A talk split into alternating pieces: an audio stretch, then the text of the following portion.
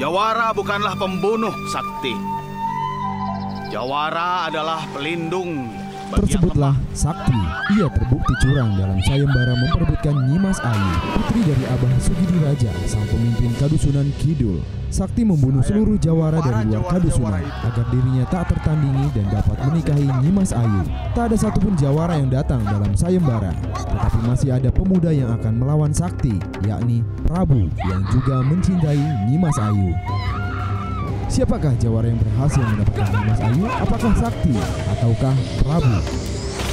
Saksikan pemutaran film Jawara Kidul karya Kremov Picture di bioskop 21 Cilegon Selasa 22 September 2015 dan Sabtu 26 September 2015. Penata musik di film Jawara Kidul ini adalah Tia Subiakto yang kita kenal juga sebagai penata musik di film Ayat-Ayat Cinta, Perempuan Berkalung Sorban, Sang Pencerah, Di Bawah Lindungan Ka'bah, Hafalan Surat Delisa, dan lain sebagainya. Tiket bisa didapatkan di Radio Paranti di Jalan Mayor Widagdo nomor 3 Pandeglang. Di atas awan menjadi